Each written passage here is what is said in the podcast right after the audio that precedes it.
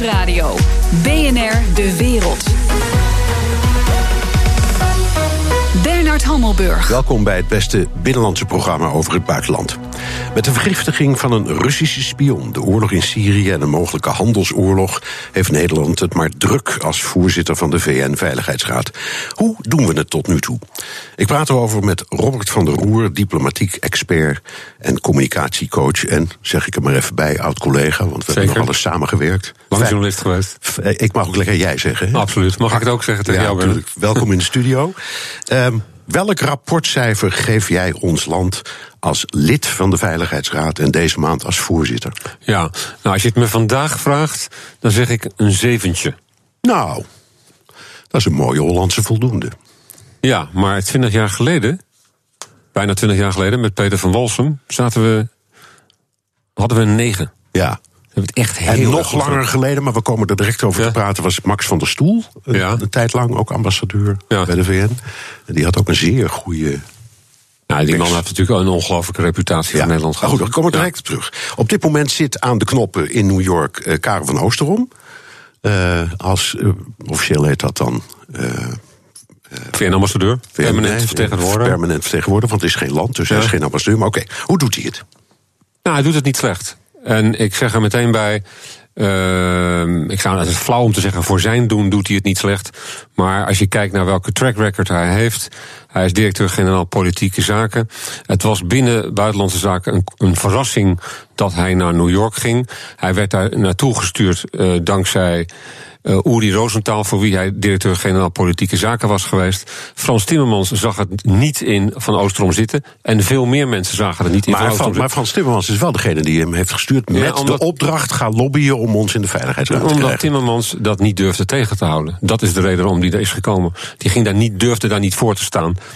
En ehm dit is op, op zichzelf helemaal geen schande als iemand zo in New York aantreedt. Ik herinner mij een, een voorvoorganger, eh Dirk-Jan van der Berg, die was secretaris-generaal Buitenlandse Zaken.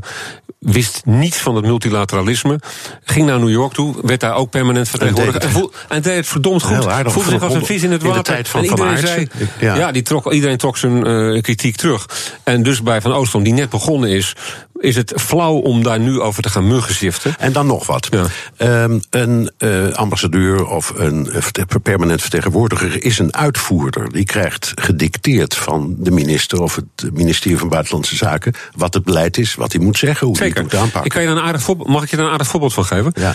10 maart, afgelopen 10 maart, eh, heeft Van Oosterom een. heb ik met hem een discussie gevoerd op Twitter over zijn toespraak in de Veiligheidsraad, waarin hij over MH17 nog altijd niet, bijna vier jaar na dato, het woord Rusland in de mond nam. Maar dat ging toch over de gifaanval in Nee, Engeland? Oh, dit dat ging over puur over MH17. Ja. En toen, eh, toen zei ik, eh, hoe is, het, hoe is het mogelijk dat, je dit, dat Nederland dit nog altijd niet in de, in de mond neemt? Eh, gegeven de officiële rapporten waarin de boekraket gerapporteerd staat als zijnde afkomstig uit, uit Rusland. En toen zei hij, ja, ik heb, deze tekst is grotendeels een letterlijke weergave van het regeerakkoord. Waarmee gezegd wordt eigenlijk... eh, is, hij is Masters Voice. Diplomaten voeren uit wat de politiek bedenkt. Ja. Dus in die zin kleurt hij netjes binnen de lijntjes. Ja, maar goed, de- vraag is of hij anders mag en kan. Dan Nee, komen, dan, denk- dan nee, komen we op zijn. Nou, maar niet al, nee, maar daar wil ik toch iets over zeggen. Want dit vind ik wel belangrijk. Kijk, Peter van Walsum, ik vergelijk hem er toch mee. Ik heb daar bovenop gezeten. Ja. Die, eh, ook als journalist, die, eh, die nam niet zijn cues aan van de minister. Sterker, die zei tegen de minister: ik zou het zo en zo doen. Die had ook eh, lak aan de Tweede Kamer. En die, eh, die, ging, die, die, was, die was eigenlijk ook al een beetje larger than life. Dat, die, die gaf iets extra's in die veiligheidsraad. Kijk, eh, je zou kunnen zeggen dat Van Oosterom zich als een degelijke ambtenaar opstelt. Waar Van Walsum ook een moreel standpunt inbracht. Ja, maar wacht even, de omstandigheden waren anders in die tijd, want jij en ik waren daar Je lijkt wel de woordvoerder van, Nee, van, nee. eh, van, van Oostrom. eh, Ja, nee, nee, nee, nee, nee. Maar ik, ik, ik ken hem, ben zeer op hem gesteld en heb ook bewondering voor hem, laat ik dat even gezegd hebben. Nee, maar dan, dan begrijp ik je vraagstelling ook beter. Oké, maar wij waren samen destijds in de tijd dat Van Walsum aantrad. De voorgeschiedenis was dat er was toen een ambassadeur Jaap Raamaker. Ja. Die heeft de lobby gedaan om Nederland in de Veiligheidsraad te krijgen. En op dat moment dat dat lukte, haalden ze Peter van Walsum, echt een grootheid, ook internationaal gezien, uit zijn pensioen en stuurde hem naar New York. Ik was die avond in het Beekman Tower Hotel op First Avenue in New York. Ik kreeg een prijs voor een stuk dat ik geschreven had. Voor Jaap, NRC Handelsblad. Voor NRC Handelsblad. En Jaap kwam mij met zijn vrouw ophalen en zei... Moes nam mij apart en zei, moet je horen wat er nu gebeurd is. Diezelfde avond had het kabinet besloten Jaap uit zijn functie te zetten. Die werd overgeplaatst naar Wenen, of all places. Ja. En, en Van Walsum kwam als een, uh, ja, als, uit zijn pensioen, inderdaad... Uh, terug uh, in functie. En heeft toen uh, in voetbaltermen de sterren van de hemel gespeeld. Ja. Ik vond dat qua menselijkheid richting Jaap Braamaker done. Ik heb toen ook al later tegen Josias van Aartsen gezegd... die minister was, moest dit nou op deze manier? Had die man toch eleganter behandeld? Jawel, maar dan kom je op het punt dat je net aanroerde als je zegt iemand larger than, than life, noemde je hem. Nou, maar Jaap Raamaker was ook geen kleine jongen. Die nee. behoorde tot de top 5 ja, van wereldontwapenaars. Later, later ook nee, nee, zijn sporen verdiend in de sfeer van de ontwapening. Uh, ook voor de VN. Dus die heeft ook... Nou, dat was daarvoor, 1995. Heeft hij de verlenging van het non-proliferatieverdrag... Ja. en de Testban Treaty gedaan. Maar waar het om ging is dat Jaap Raamaker hoorde... met Rolf Ekeus en Richard Butler... tot de absolute wereldtop van ontwapenaars. En die werd dus eigenlijk als een kleine jongen uit zijn functie gezet. Maar was Ik het, vond dat not done. zo ga je niet met je diplomaat Zo ga je niet met je diplomaat of met je personeel om, of met je vertegenwoordigers. Met niemand, zo ga je überhaupt niet met maar mensen Maar jij zegt, hij ja. was wel een kei. En, Wie? Ja, Raap. Nee, nee, nee, nee van, van Walsum. Ja. Dus het was misschien een goede keuze. Hij trok ze van niemand of niets iets nou, aan. Hij heeft het, de, de keuze acht, uh, uh, later, uh, further down the road had Van Aartsen de juiste afweging gemaakt. Eh, inhoudelijk. Ja. Uh, kijk, waar Raamaker een techneut was, was Van Walsum een hele brede diplomaat. En ik heb erbij gezeten, die sprak als een gelijke met Richard Holbrooke, als een gelijke met Jeremy Greenstock. En uh, de minister die at uit zijn hand.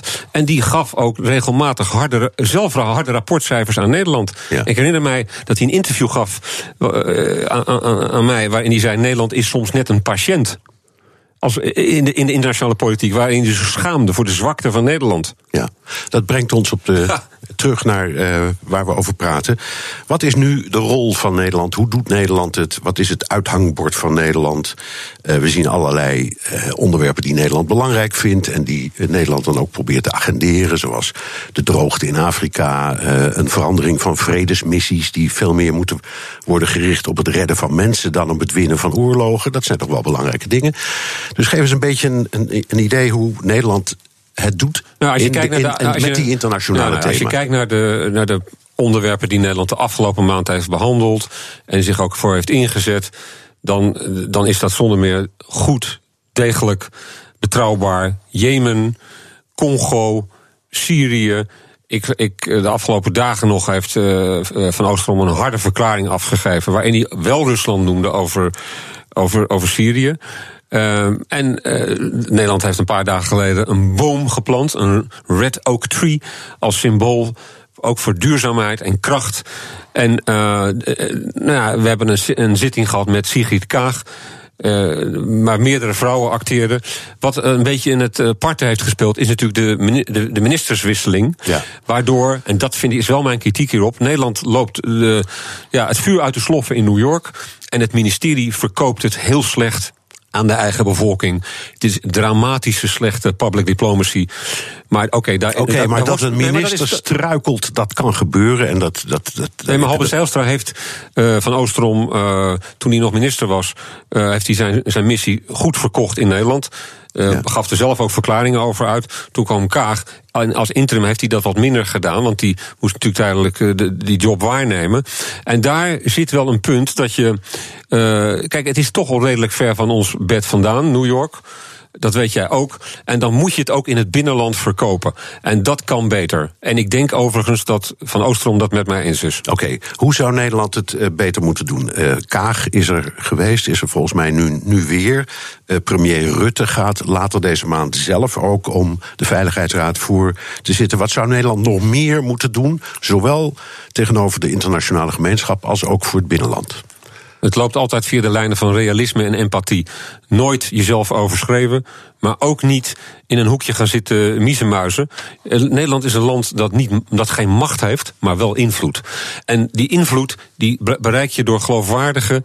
Uh, ja, mensle, menswaardige uh, standpunten. En daar, is, daar mag van, van Oosterom nog, vind ik zelf, nog iets harder lopen. Nog iets meer moraliteit laten zien. Ik vind echt, na zes jaar Syrië nu nog uh, op een weegschaaltje wegen of je Rusland moet benoemen, kom op. Uh, we zitten al in het volgende hoofdstuk van het boek. Oké, okay, um, zetten wij al onze troeven in? Ik denk bijvoorbeeld aan uh, Maxima, die we daar regelmatig zien, maar waar je eigenlijk weinig over hoort. Ik had zelf, je, je noemt het nou, ik heb vorige week nog tegen een diplomaat gezegd: waarom laten we Maxi-raad niet die uh, een zitting in de Veiligheidsraad voorzitten? Dat is gewoon way out het beste exportproduct van Nederland. Ja, maar, maar, mag en kan dat constitutioneel en weet ik wat, onschendbaarheid zou het mogen en kunnen? Ja, dat weet ik niet. Ik, ik, ik sluit niet uit dat het dat het wel kan. Want ik heb Albert van Monaco ook daar wel eens zien zitten. En Um, ik denk dat het wel kan. En het punt is, Nederland uh, schakelt haar wel regelmatig in. En voor allerlei missies. Ik zou het wel gedaan hebben. Ja, maar dat gaat dan om, om uh, ja, het bankieren is... voor arme mensen in Afrika ja. en zo. Maar dat gaat niet over die hele grote dossiers. Zoals nee, het gaat over. Dus... Dit is natuurlijk microfinance, is natuurlijk haar ding. Nou, dat, ik zou dat wel hebben laten doen. Ik zou toch meer een. Uh, ja een event rondom haar hebben gedaan. Om nog meer publiciteit te genereren. Om te laten zien dat je meetelt en dat je betrokken bent en geëngageerd bent bij de grote thema's van de wereld. Ja, uh, Nederland zet, zich, dat zei je ook, in voor een aantal toch wel belangrijke thema's. Uh, wat levert dat voor Nederland op? Behalve dan een goede naam misschien. Nederland uh, kan niet de wereldorde veranderen. Dus we moeten, uh, het begint met realisme. En uh, je moet jezelf ook niet overschreven. Je kunt wel, je zit wel aan tafel bij die wereldproblematiek. Vergeet niet, de VN-veiligheidsraad is het hoogste wetgevende orgaan in de wereld als het gaat om oorlog en vrede. Dus dat betekent dat je, zeker een land dat van oudsher een meningen heeft over mensenrechten, nu druk ik het vriendelijk uit, dat een kleine twintig jaar geleden nog de vierde bombardeur was binnen de NAVO in Kosovo. Uh, Nederland heeft zich de afgelopen decennia ingezet op dit terrein. En daarin kunnen wij, eh, om met goede standpunten, met betalingen, met deelname aan missies. en niet eindeloze 100, eh, artikel 100 brieven aan de Tweede Kamer nog eens doorexerceren. maar gewoon je verantwoordelijkheid internationaal nemen. Dat is wat Nederland moet doen. En dan tel je mee. En kijk naar de Zweden. Die hebben ons toch een paar keer uh, ja, outmanoeuvred, zeg ik maar, links ingehaald. Omdat ze net iets slimmer waren, net iets bijtender standpunten hadden, net iets eigenwijzer, net iets meer betrokken. een octaafje hoger, zonder jezelf te overschreven. Dat is heel slim van het oprekken van je eigen mandaat. En dat zou Nederland ook moeten doen. Zo dadelijk. In hoeverre is de MH17-ramp te vergelijken met de aanslag op een Russische ex-spion in Salisbury? BNR Nieuwsradio. BNR De Wereld. Mijn gast Robert van der Roer, diplomatiek expert en communicatiecoach. Uh, we hadden het net een beetje over de rol van Nederland en hoeveel macht het heeft en niet heeft. Uh, een test, ik refereerde eraan en maakte een foutje in de datum, was een zit, spoedzitting over die aanslag in Engeland, op die uh, Rus mm -hmm. Russische ex-spion. Uh, Nederland volgde het, kabinetsstandpunt en beschuldigde Rusland niet met zoveel woorden. Er was wel een referentie aan, ja, dus ze hebben geen goede track record. Maar ze zeiden, net als een hoop andere landen, niet. Um, ja, dit is wel duidelijk, zoals Boris Johnson zei, daar zitten de Russen achter. Was dit nu terecht? Was dit correct geformuleerd, goed gedaan? Het is wel consequent gedaan, maar het is consequent fout zeg ik dan. Want? Omdat Nederland uh, sinds 2014, sinds de aanslagen, sinds de aanslag op uh, MH17, uh, ja, zichzelf gemuilkorfd heeft en Rusland permanent uit de wind houdt. Omdat wij, zoals Rutte steeds benadrukt, wij zelf het onderzoek doen. En ja, wat Nederland nagelaten heeft in die eerste vier dagen is het mobiliseren van internationale steun, massieve internationale steun. Er is geen EU-top belegd waar men zichzelf in de kringen van toenmalig EU-chef eh, e Van Rompuy over verbaasde. Er is geen trojka op hoog niveau, niet op ministersniveau, niet op nog hoger niveau naar Moskou gegaan. Niet om Poetin de les te maar om te zeggen: beste man, het, eh, ons, eh, ons vliegtuig is daar neergestort. Geef ons toegang tot dat rampgebied, want jij hebt dat gebied onder controle. Dat is allemaal niet gebeurd. Als je dat nu vergelijkt met de, de toon die de Britten aanslaan dus wij hebben public diplomacy hebben we achterwege gelaten. En uh, dat doen de Britten nu wel. Uh, in, in, ze, ze, roeren elke dag de trom. Ze proberen ook steun te werven binnen de EU, bij de NAVO, met Trump. ze, ze proberen eigenlijk zeg maar, die nationale woede te integreren in een internationale dat, aanpak. Dat, dat, kan zijn, maar Stef Blok, de minister, die, die zegt, als ik het goed begrijp, een beetje rustig aan wat toon betreft. Want we denken het wel, maar we hebben geen bewijs. Nou, dat is het en is de, de vraag: moet je nou allemaal over Rusland heen vallen als je het niet kan bewijzen? Het is het bureaucratisch legalisme waar Nederland eh, zich vaker aan bezondigt. En, en ik dus ook nu. Zeker, ja. want uh, het Novichok. Uh, kun je niet bij de uh, drogist op de hoek kopen. Dat nee, is maar, een middel nee, uit... nee, nee, maar dat, dat, even dat naar de kan. feiten nee, maar wacht even. Nee, maar even naar de feiten ja, maar dat, hoeft dan niet, dat hoeft dan toch product... niet Poetin te zijn? Dat kan uit ik, Rusland ik heb, komen. Heb je mij Poetin horen noemen dan? Nee, maar Boris Johnson wel. Die, die noemt... Ja, maar ik ben toch niet Boris Johnson? Nee, nee, nee, maar de vraag nou, is... precies blijf. Nee, even voor de duidelijkheid. Landen, de, de, de Britten zeggen wat. Die zeggen, nou, dat kan bijna niet anders dan.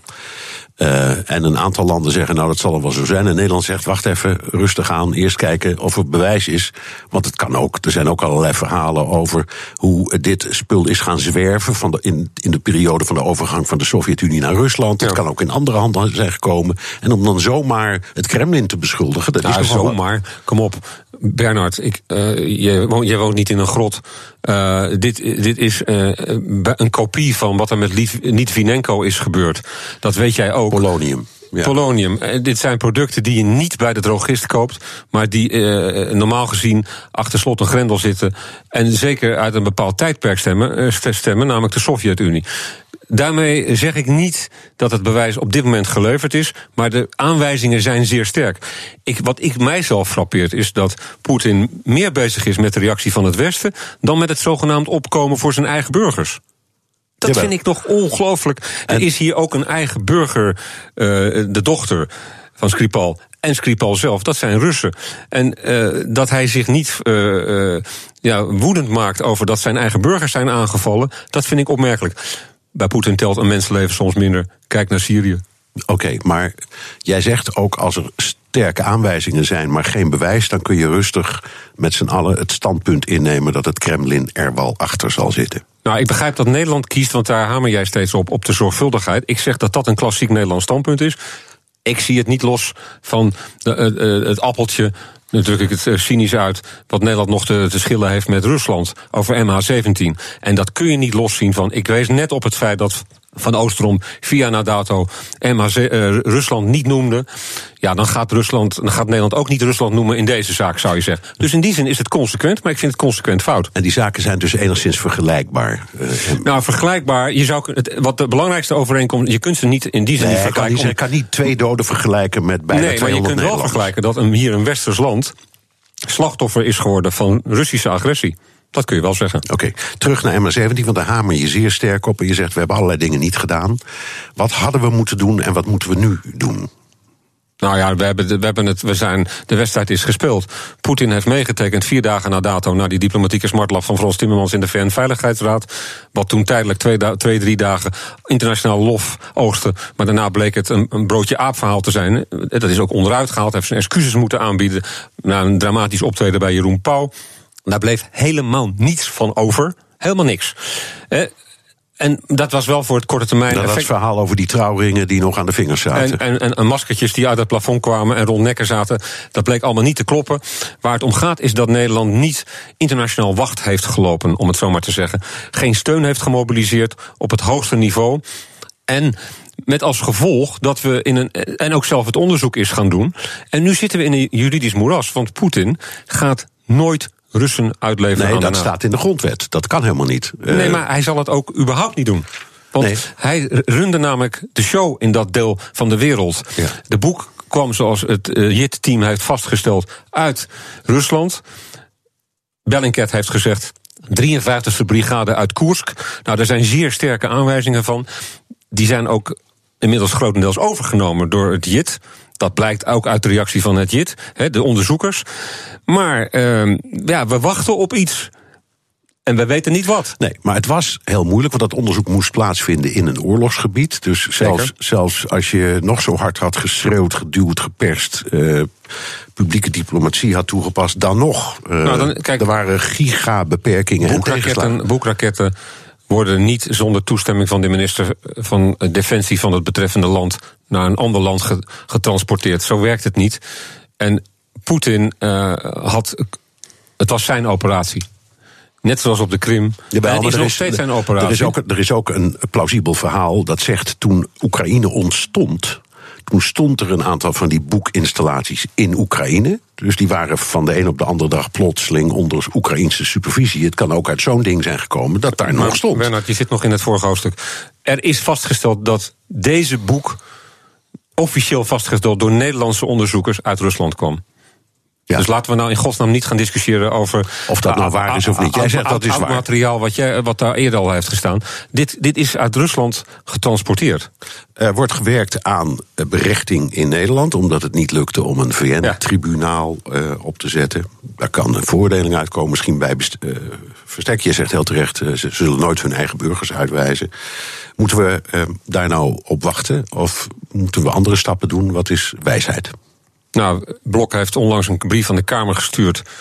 eh, over eh, of er niet staatsaansprakelijkheid eh, kan worden ingebracht. Nou, als je kijkt naar de moed en het, en, en het lef dat Nederland tot nu toe toont. dan heb ik daar mijn twijfels over.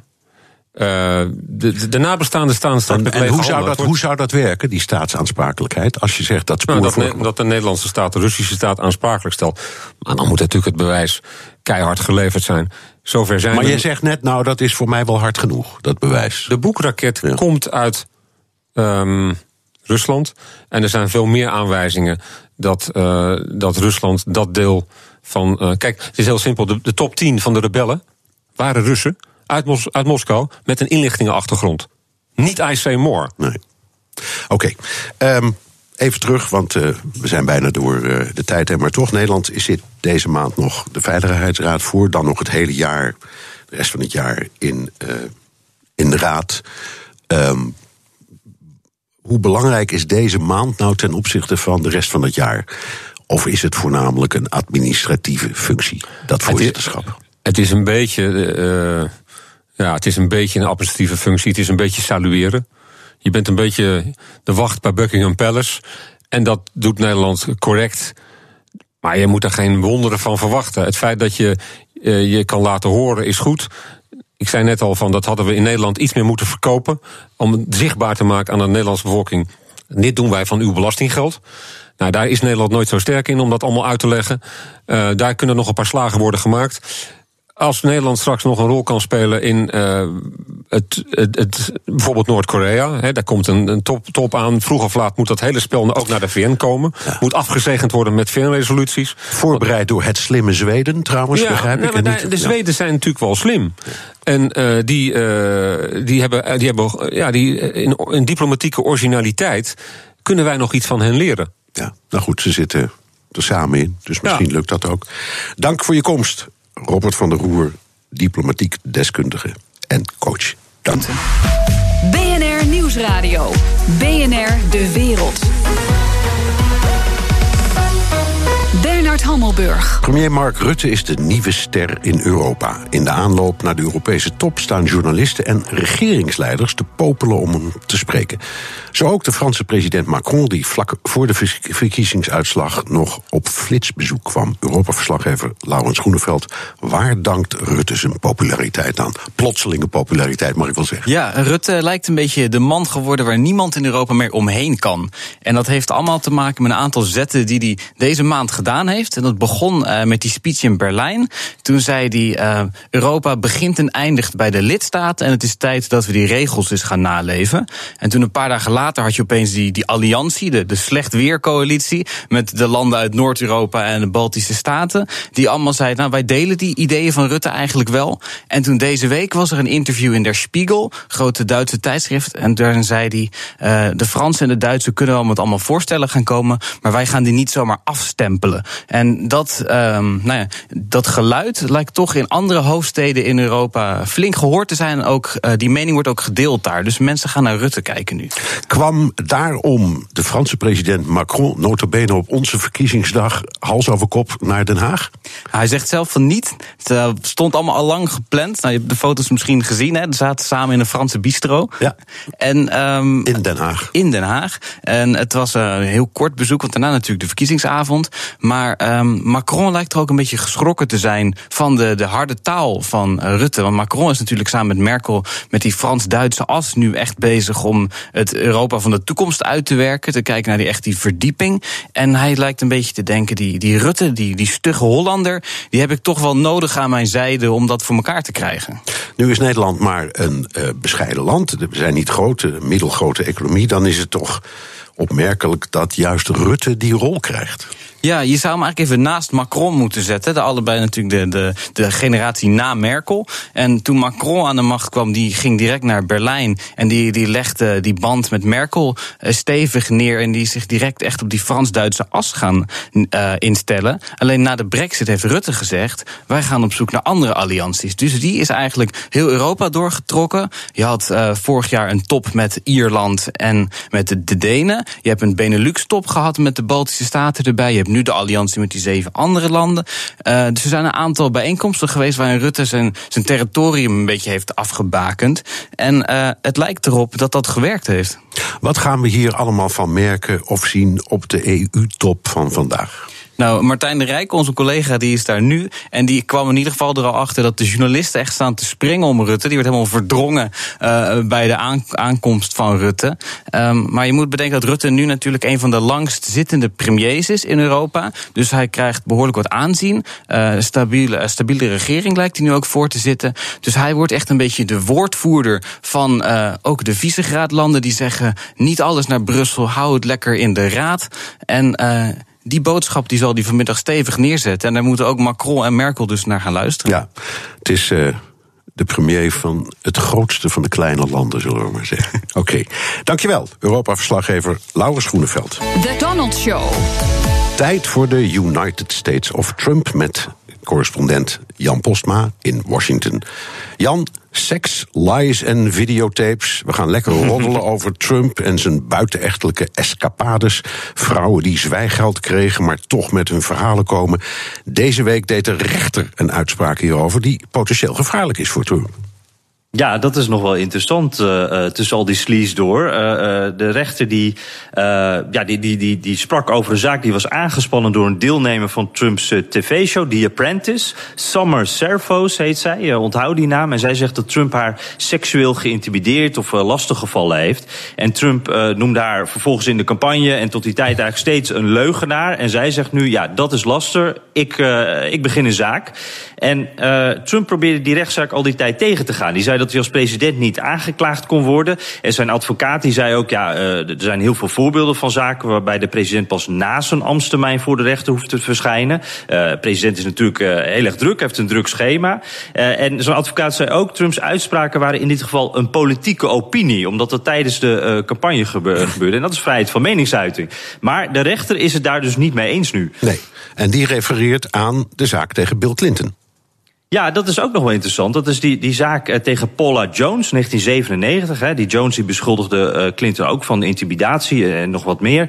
Uh, en de rechter die zei toen, zei toen dus voor het eerst eigenlijk dat de president niet vrijgesteld hoeft te worden. voor dingen die voor zijn presidentschap zijn gebeurd. En, en die ook niets met zijn presidentschap te maken hebben. En dit is ja, privéleven zou je kunnen zeggen, dus dat staat daar buiten. maar wat nog wel speelde, want je zou zeggen, dit geeft dus duidelijkheid. Maar het was er nog een hoger beroep. Uh, Clinton heeft Paula Jones toen afbetaald. En uh, ja, de verwachting is toch ook wel dat Trump ook in hoger beroep zal gaan. En dat deze zaak nog wel uh, lang zou kunnen slepen. En dat het zelfs nog wel tot in het Hoge Rechtshof zou kunnen spelen. Dus voorlopig nog geen uitspraak, maar nog wel potentieel een langslepende rechtszaak. Ja, en op de dag dat de rechter dit allemaal zei, meldde zich nog een vrouw die zou zijn afgekocht door Trump. Ja, en dat worden dus toch wel steeds meer. Hè. Uh, Karen McDougall heet zij. Zij is een voormalig Playboy-model. Die heeft 150.000 euro of dollar gekregen van de National Enquirer, een roddelblad. Zij betaalde haar om exclusief dat verhaal van haar te krijgen over die affaire met Trump. Maar dat, dat verhaal is vervolgens nooit geplaatst. Nou is National Enquirer een, een, blad dat behoorlijk op de hand is van Trump. dus zij mag dat verhaal nu nergens anders doen. Dat verhaal dat, dat ligt daar nu vast. daar wil ze onderuit. En zij zegt ja, dit is toch al een publiek geheim. Dat dit gebeurd is. Dus nu kan ik het net zo goed vertellen. En ze zegt ook, er zit nog een soort publiek belang in. Want inmiddels is deze man uh, de, de president geworden. En, en nou, je ziet gewoon dat ook vrouwen die in het verleden al noemden dat ze uh, problemen hebben gehad met Trump op dit gebied. Het zijn er toch een twintigtal inmiddels dat die zich ook uh, hier weer over gaan melden en hierover gaan roeren. Dus dat begint een beetje een soort sneeuwbaleffectje te worden. Ja, nu is Trump getrouwd. en dit is geen moralistische vraag, maar hij, heeft, hij heeft de steun van conservatief christelijk Amerika, van de evangelisten. Hoe, hoe zien dit, die dit nou? Hoe kijken die hier nou hier allemaal tegenaan? Ja, dat, dat is een hele interessante inderdaad. Want het blijft nog een beetje stil eigenlijk uh, in die hoek. En dan is het een beetje gissen natuurlijk. Uh, maar, maar het gevoel dat ik er zelf een beetje bij heb. Ik denk dat dat conservatief en, kerkelijk Amerika uh, dit eigenlijk een beetje ingecalculeerd hebben. Ze wisten dit ook al toen ze op Trump stemden. Dat er dit, dit soort verhalen waren. En, en dat die verhalen, ja, dat het er ook meer zouden kunnen worden. En ik, ik, ik denk dat het is een beetje dat je het kan zien als een soort winstwaarschuwing op de beurs. al een beetje ingecalculeerd en, en ja, als je het al een beetje had verwacht, dan doet dat niks met de koers. En zo, zo doet dat nu dan ook niet zoveel. Kan deze kwestie een rol spelen in het Rusland-onderzoek van Robert Mueller? Ja, uh, nou, de sleutel daarin, dat kan inderdaad, is Michael uh, Cohen. Dat is Trumps advocaat, ook een vertrouweling van hem. Hè. En we weten al dat Mueller uh, van het FBI-onderzoek zeer geïnteresseerd is in die Cohen. Die, die heeft informatie over hem opgevraagd, over onder andere de Trump Tower in Moskou. maar deze Cohen die speelde ook een rol in dat Stormy Daniels verhaal. januari schreef de Wall Street Journal al dat Cohen vlak voor de verkiezingen dus die 130.000 uh, dollar zwijggeld aan uh, Daniels betaalde. Uit zijn eigen rekening? Eh, van zijn eigen rekening, zegt hij. En dat is natuurlijk wel een beetje apart. Hij zegt ook, ik, ik ben nog niet, uh, dat geld heb ik nog niet teruggekregen. Maar daar zit natuurlijk een juridische reden achter. Want als dat uh, vanuit de Trump-campagne of vanuit Trump gekomen zou zijn, dat geld... Wat wel het meest waarschijnlijke is, dan had dat gemeld moeten worden. En dat is natuurlijk iets, als daar een regel is overtreden... en dit ziet er wel heel schimmig uit dat zo'n advocaat dat uit eigen zak zou betalen... nou, dan zou dat in, ineens ook onderdeel kunnen worden van dat bredere onderzoek van Mueller. dus is in eerste instantie niet meteen Rusland gerelateerd. Maar hij mag ook alle dingen uh, die hij tegenkomt op zijn weg. Hij heeft een soort sleepnet. Alle dingen die niet kloppen, mag hij gaan onderzoeken. En dan zou dit er wel eentje kunnen worden. Wat ook wel interessant is. Uh, Cohen is natuurlijk echt een, een, belangrijke adviseur voor Trump. En, en ook heel loyaal aan Trump geweest altijd. Dus deze man weet heel veel. Dus dit zou ook een manier kunnen zijn voor Mueller om die Cohen aan het praten te krijgen. Ja, Stormy Daniels is zondagavond te zien in het bekende CBS-programma 60 Minutes. De beroemdste actualiteitenrubriek ter wereld, denk ik wel. Jij zit natuurlijk de popel. Ja. Ja, ze, de, natuurlijk echt een serieus programma natuurlijk, wat nu deze, uh, deze vrouw gaat interviewen. En, uh, ik ga zeker kijken, maar je snapt Bernard, dat is natuurlijk puur om de juridische implicaties en, en het belang voor, voor de democratie in het land. Dat gaat niet om de, uh, al die gekke details die we gaan horen over de president. Nee, want daar staan wij journalisten ver boven, toch? Helemaal boven, zeker, okay. zeker. Dankjewel, Jan Posma, onze correspondent in Washington. En zo dadelijk, hoe kijkt GroenLinkser en oud-diplomaat Bram van Ooyek naar de fonkelnieuwe minister Blok van Buitenlandse Zaken? BNR Nieuwsradio. BNR De Wereld. In de nieuwe buitenlandstrategie van het kabinet noemt minister Stef Blok van Buitenlandse Zaken de belangrijkste dreigingen voor ons land. En dan heeft hij het niet alleen over Rusland of over IS-terroristen, maar ook over Trump en de Europese kiezer. Ik praat erover met Bram van Ooyek, buitenlandwoordvoerder voor GroenLinks en oud-diplomaat. Dag meneer van Ooyek. Goedemiddag. Eerst even over de kiezer gesproken. Voor GroenLinks is dat een goede vriend, toch? Hè? Afgezien van wat uh, Blok zegt. Tenminste, als je, om de Volkskrant te citeren, de bakfietssteden bekijkt. Ja, we hebben het goed gedaan in de bakfietssteden. Maar uh, zeker niet alleen in de bakfietssteden. Hè? Ook uh, ver buiten de Randstad heeft GroenLinks het gisteren heel goed gedaan, ja. Ja, dus gepaste trots. En, ja, Zeker. En dat wilden we u ook even laten zeggen, uiteraard. Nou even over. Dat doe ik met plezier. Over ja. uw vak als uh, diplomaat en buitenlandwoordvoerder. Diplomaat ben je voor je leven, heeft u mij wel eens uitgelegd. Um, Stef Blok, de nieuwe minister, die heeft het over van alles. Over de kloof tussen arm en rijk. Het wantrouwen in de politiek noemt hij ook. Is dat verrassend als een minister van Buitenlandse Zaken dat als dreiging noemt? Nou, wat, wat ik goed vind in de, in de nota is uh, dat er inderdaad een relatie wordt gelegd tussen zeg maar binnenlandse veiligheid en binnenlandse ontwikkelingen en datgene wat er uh, in het buitenland gebeurt. Dat is altijd al wel gebeurd. Daar is Hans van Mierlo ooit al mee begonnen. Uh, buitenlands beleid is binnenlands beleid in, in de Paarse kabinetten. Maar dat, dat, die gedachte wordt wel steeds verder doorgevoerd. En ja, dat betekent dat je ook moet kijken naar ja, hoe uh, je eigen bevolking bijvoorbeeld aan, uh, aankijkt tegen uh, invloeden van buiten. Dat kan handel zijn, dat kan, kan migratie zijn, dat kan in negatieve zin terreurdreiging zijn. En dat is, dat is goed dat dat gebeurt. En maar ik hoop dat het kabinet zich van zijn verantwoordelijkheid op dat punt ook maar geldt, geldt dat ook bijvoorbeeld over hoe de Nederlandse kiezer staat of de Europese kiezer, maar de Nederlandse kiezer staat tegenover hoe Europa zich ontwikkelt, hoe samenwerkingen lopen, wat bondgenootschappen precies betekenen. Ja, de steun voor dat soort uh, internationale samenwerkingsverbanden, u noemt de, de, Europese Unie als eerste, de steun daarvoor is niet vanzelfsprekend. Hè. Je ziet dat vorig jaar toen we dat, dat referendum hadden over het verdrag met Oekraïne, je zag dat in 2005 toen we het hadden over de Europese grondwet. Je zult als, als als overheid of en als politiek, om het maar even zo te zeggen, altijd weer moeten werken om uit te leggen aan kiezers uh, waarom zo'n internationaal uh, verbond uh, goed is, ook voor de belangen van de Nederlandse burgers bijvoorbeeld. Ja. En dat gebeurt goed in, in die nota. mijn, mijn aarzeling of mijn, mijn kritiek zit hem in de manier waarop daar dan in de praktijk mee wordt omgegaan. daarin ja, moet ik eerst nog zien wat het kabinet Jawel, gaat leveren. Ik, ik, zou graag een voorbeeld daarvan noemen. En meteen met de aantekening dat Stef Blok net is aangetreden en pas net ja, met die nota zeker. is gekomen. Dus ja. je, kan, je kan moeilijk zeggen, wat zie ik er dan van? Nee, nog niks natuurlijk. Maar geef eens een voorbeeld. Nee, nou, dat, dat doe ik graag. Want het, het gaat niet alleen om Stef Blok. Maar als u nou kijkt, we hadden het net over de verkiezingen. Hè? Als u nou kijkt naar de afgelopen dagen en de debatten die zijn gevoerd op televisie. Die misschien veel van uw luisteraars ook hebben gezien. Als uh, onze minister-president dan een stelling heeft die zegt van uh, uh, asielzoekers moeten niet langer voorrang krijgen op de woningmarkt. Hè, waarmee die dan zegt eigenlijk van ja, de, de schaarste op de woningmarkt wordt veroorzaakt door asielzoekers. Dan draag je bij aan een bepaalde sfeer die mensen juist kopschuw maakt voor wat er van buiten komt, om het zo maar te maar zeggen. Wat is dan het dus wat ik bedoel ja, is dat die politici hun verantwoordelijkheid moeten nemen. Maar wat is het antwoord? Dat is een heel goed voorbeeld. En het is ook een hele ja. actuele discussie. Mensen zeggen, ik wacht al jaren op een woning of ik wil groter wonen of anders wonen. En nu komt er een asielzoeker in. Dat gaat niet eens tegen die asielzoeker, maar je loopt zelf die woning mis. Dus nee, maar wat je daarmee nou doet. Nou in beleid? Maar wat je daarmee doet, is dat je zegt van uh, de, de, de, de zondebok of de oorzaak, die komt, uh, die komt van buiten.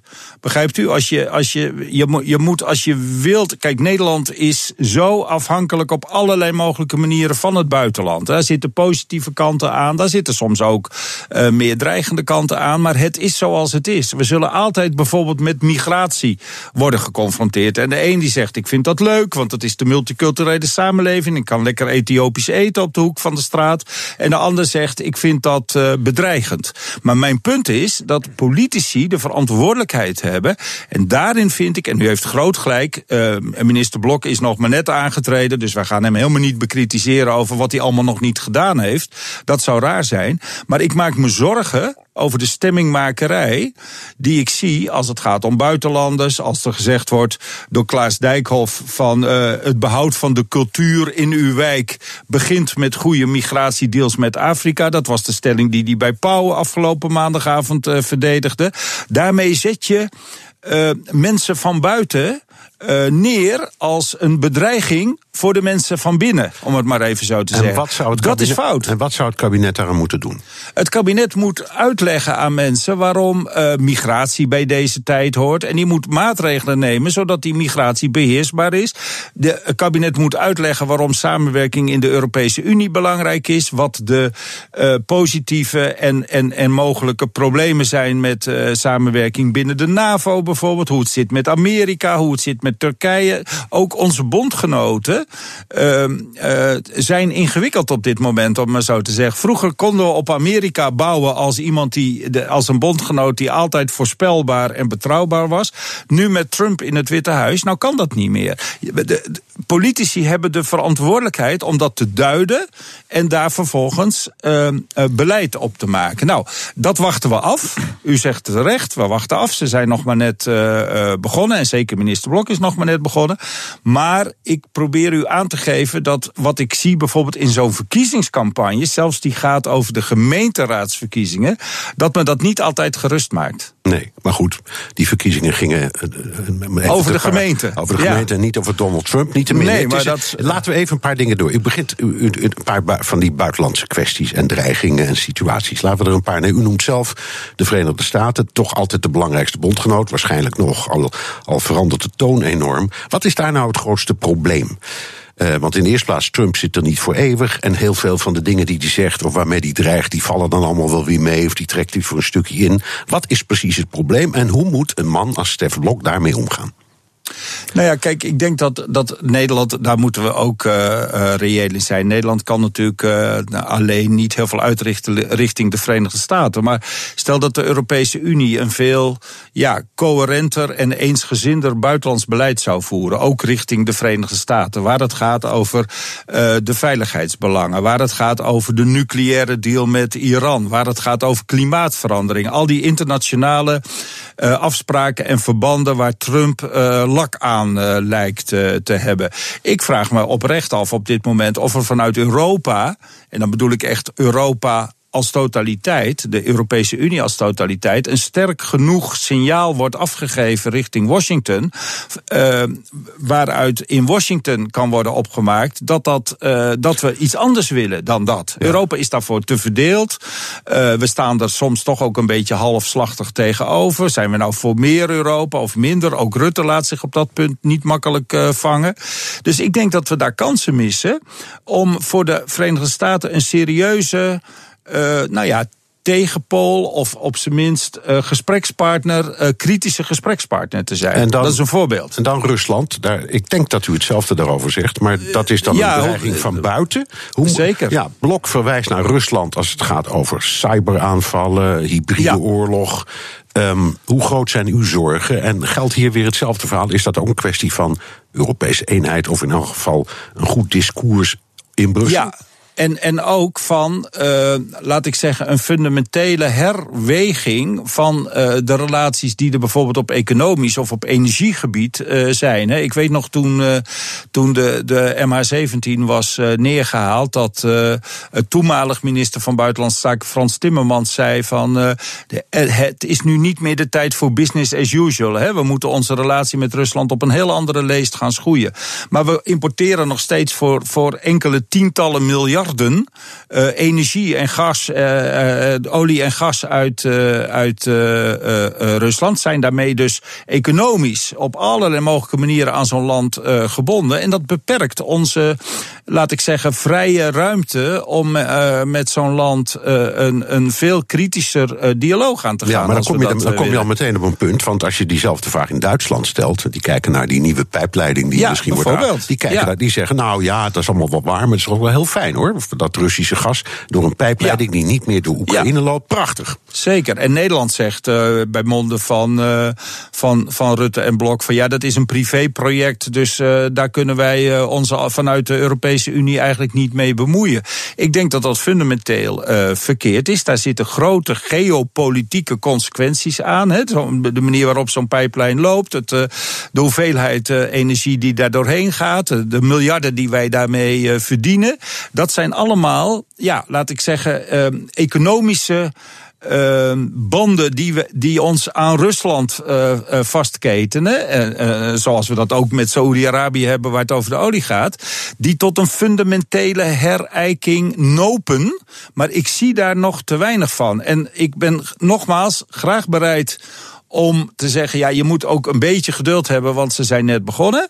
Maar ik hoop daar wel zeer snel uh, de eerste tekenen van te zien. Okay, en die de, zie ik nog niet. Ik spreek u dan even toe als diplomaat. Um, u, u, kijkt naar Rusland, hoe zou u het aanpakken?